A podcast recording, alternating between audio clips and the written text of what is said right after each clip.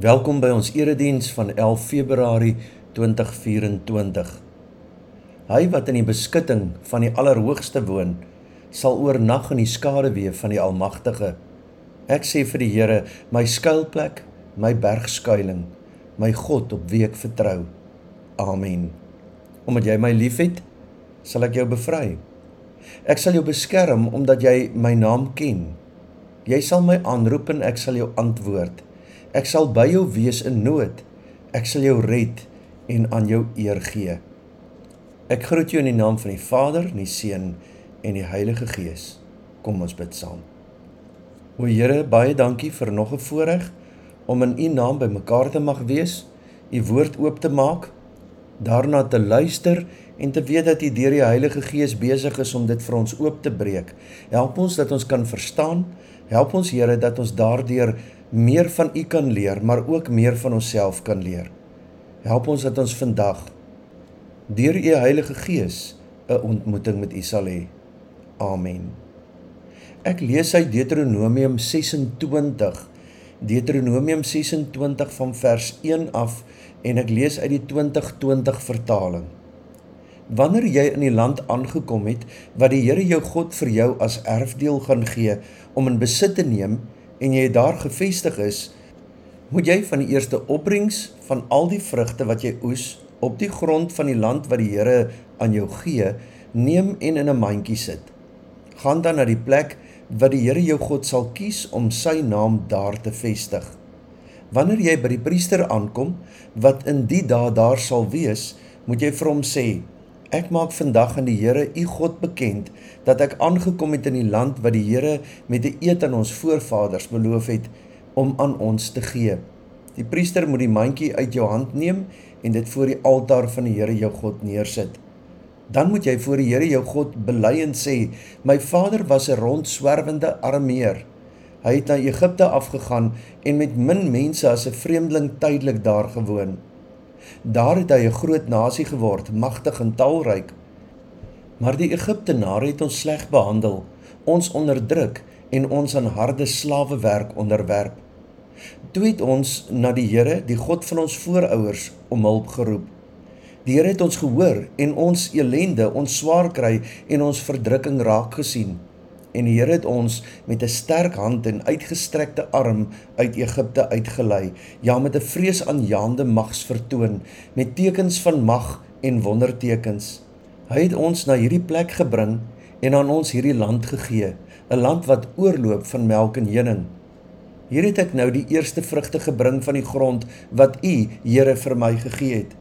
Sit dit dan voor die Here jou God neer en buig in aanbidding voor die Here jou God.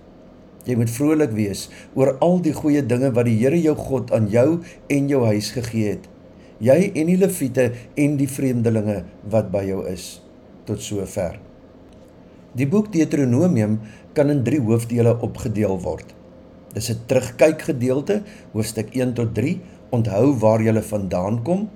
Dan is dit riglyne vir nou, is hoofstuk 4 tot 30 luister na en leef in 'n verbondsverhouding met die Here en dan vooruitkyk hoofstuk 31 tot 34 vertrou op die beloftes van God vir die toekoms onthou luister vertrou. Onthou waar jy vandaan kom God het jou nog altyd gedra. Luister na en leef in 'n verbondsverhouding met die Here met ander woorde God sê ek sal jou God wees en ons sê ons is u dankbare gehoorsame kinders En daarom vertrou ons ook dat God ook in die toekoms sy beloftes sal nakom. Ek sal julle God wees. Onthou, luister, vertrou. Deuteronomium vertel 'n storie van 'n God wat sy kinders se hulpkreet hoor. Jesaja 65 vers 24 sê: "Nog voordat hulle roep, sal ek hulle antwoord. Hulle sal nog besig wees om te praat, dan verhoor ek hulle al." Maar omdat God hoor en vir ons sorg, moet ons in aanbidding en in dankbaarheid buig.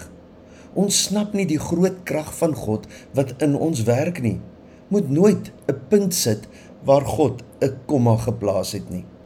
Leef entoesiasties en in dankbaarheid jou komma deur die krag van God, waarvan die kruis op Golgotha die grootste teken is dat hy ons minusse in plusse kan verander. Dit is vandag die begin van lydenstyd.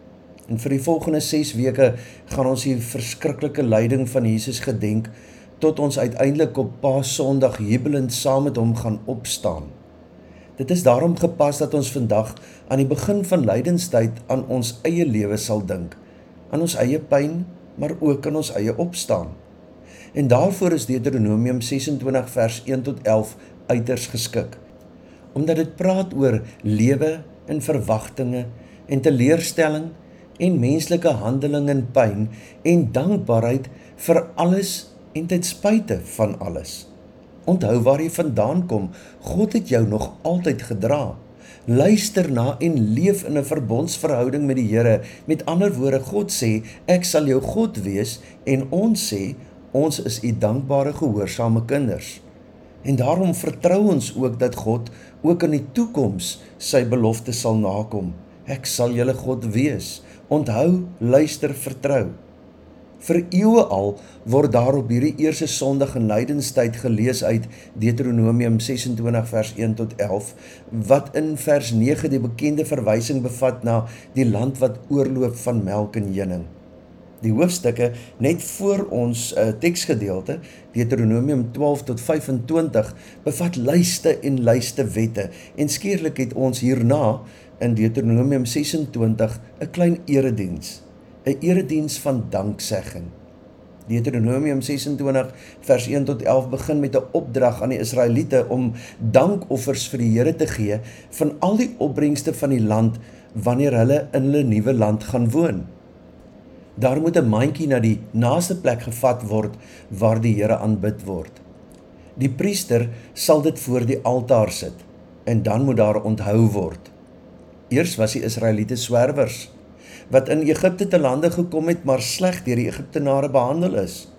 Toe die Here hulle wonderbaarlik uit Egipte gelei na hierdie land wat oorloop van melk en honing. Vandag gaan dit vir ons as Christene nie net oor die beloofde land van die Israeliete nie, maar oor die beloofde land van verlossing, genade, die ewige lewe. Ons is nie uit Egipte uitgelei nie, maar uit die slawerny van sonde. Ons leef nou in 'n geestelike land wat oorloop van genade, verlossing en vergifnis. Ons moet dus nog soveel meer as die Israeliete dankie sê. Onthou waar jy vandaan kom. Jy was vasgevang in die land van sonde, 'n slaaf, verlore. En God het jou daar uitgelei. Deur die kruis en die leë graf is jy nou in die beloofde land van verlossing. Romeine 5 vers 1 en 2 sê: Omdat ons dan nou op grond van geloof geregverdig is, het ons vrede by God deur ons Here Jesus Christus. Deur hom het ons in geloof ook toegang verkry tot hierdie genade waarin ons vas staan en ons beroem ons op die hoop om deel te kan hê aan die heerlikheid van God. Romeine 8 vers 1 Daar is dan nou geen veroordeling vir diegene wat in Christus Jesus is nie.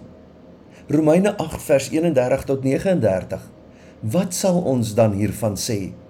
As God vir ons is, wie kan dan teen ons wees? Hy wat self sy eie seun nie gespaar het nie, maar hom ter wille van ons almal oorgelewer het hoe sal hy nie ook saam met hom alles aan ons skenk nie? Wie sal die uitverkorenes van God aankla? God is die een wat vryspreek. Wie sal ons veroordeel? Dit is Christus Jesus wat gesterf het, meer nog wat opgewek is, wat ook aan die regterhand van God sit en wat ook vir ons intree. Maar in dit alles is ons selfs meer as oorwinnaars deur hom wat sy liefde aan ons bewys het. Ek is immers daarvan oortuig dat nog dood, nog lewe, nog engele, nog magte, nog teenswoordige, nog toekomstige gebeure, nog kragte, nog hoogte, nog diepte, nog enigiets anders in die skepping ons sal kan skei van die liefde van God in Christus Jesus, ons Here. Daarom onthou waar jy vandaan kom. Jy's vrygekoop, jy's verlos. Besef waar jy nou is. Jy's in die beloofde land van verlossing, vergifnis, liefde en genade. Dis die geestelike land wat oorloop van melk en honing. Daarom kan en moet ons in dankbaarheid leef. Luister na en leef in 'n verbondsverhouding met die Here. Met ander woorde, God sê, ek sal jou God wees en ons sê ons is u dankbare gehoorsame kinders. Romeine 12 vers 1 en 2. Broers, op grond van die barmhartigheid van God, sien ons moet onthou wat hy gedoen het in die verlede gedoen het, op grond van die barmhartigheid van God.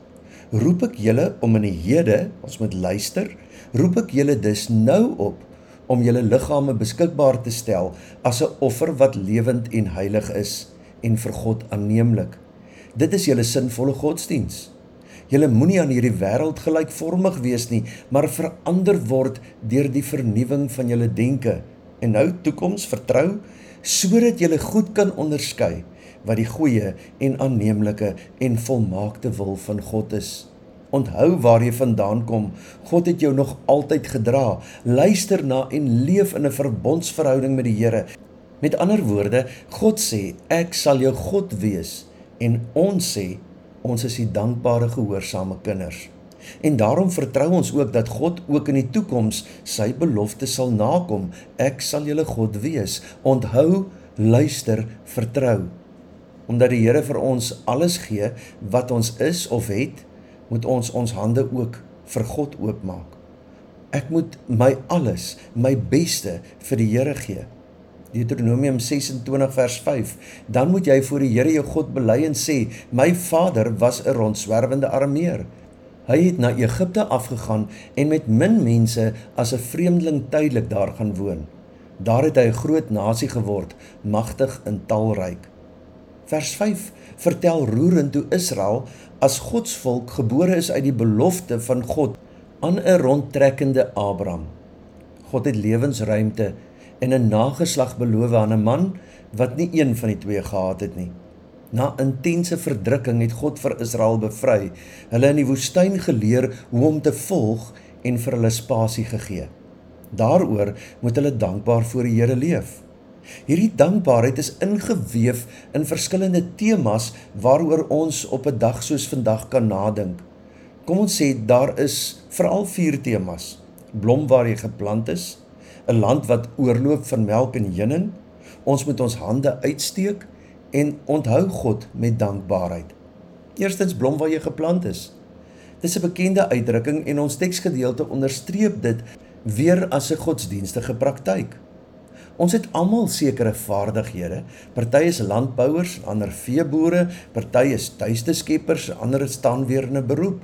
Party wil werk, maar moet werk doen wat hulle glad nie in sin het nie of ander het glad nie werk nie. Vir ons almal sê die teksgedeelte gebruik jou vaardighede of ontwikkel gepaste vaardighede daar waar jy geplaas is om hulle daar te gebruik.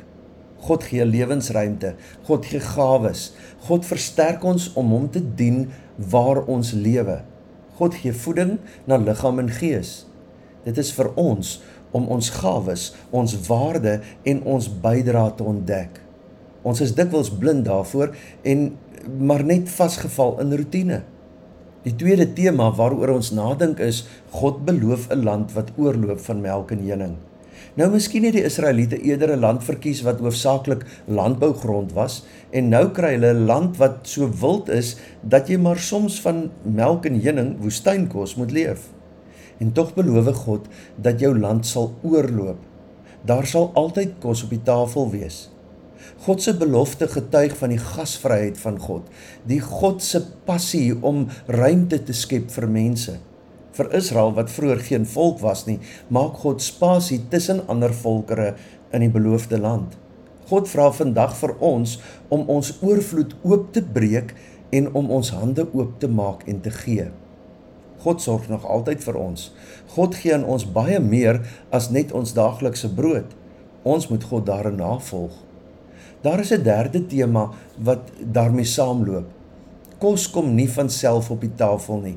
God gee die land, God gee die kansse, maar ons moet ons hande uitsteek. Melk land nie van self op die tafel nie. Diere moet versorg en gemelk word. Heuning moet gesoek en uitgehaal word en die bye is kwaai. Die hele ding van melk en heuning, dit klink vir my na 'n soort samewerking tussen God en mens en aarde.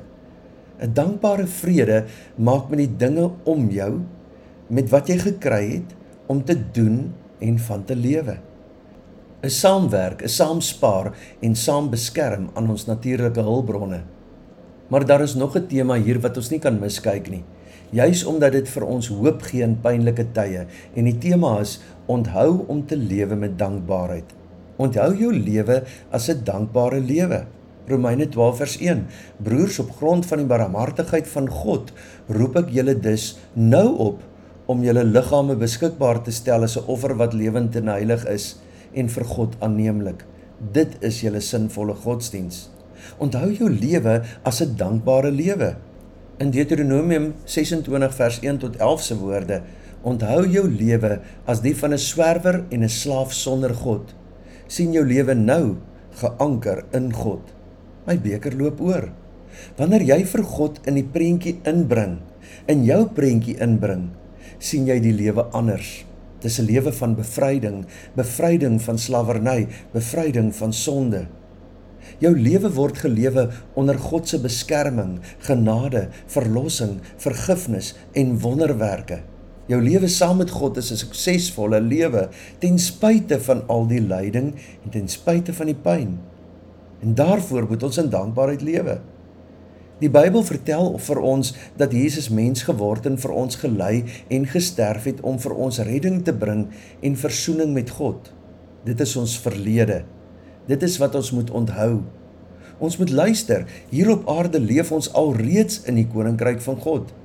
Selfs al is ons hier nog op reis, leef ons uit die volle goedheid van Christus, sy volkomme verlossing God die Vader se versorging en die Heilige Gees se leiding. Dis die beginning van lydenstyd. Dis 'n tyd om oor die lewe te besin en dis 'n tyd om te vertrou. Ons stap ons pad saam met God.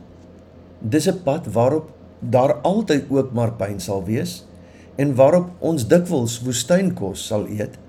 Maar is 'n pad waarop daar altyd ook opstaan sal wees. En daarvoor kan ons dank vir die Here bring. Ons Vader wat in die hemele is, laat U naam geheilig word. Laat U koninkryk kom. Laat U wil geskied, soos in die hemel so ook op die aarde. Gee ons vandag ons daaglikse brood en vergeef ons ons skulde, soos ons ook hulle vergeef wat teenoor ons skuldig staan. En bring ons nie in versoeking nie, maar verlos ons van die bose. Want aan U behoort die koninkryk en die krag en die heerlikheid tot in alle ewigheid. Amen. Die Here sal julle seën en julle beskerm. Die Here sal tot julle redding verskyn en julle genadig wees. Die Here sal julle gebede verhoor en aan julle vrede gee.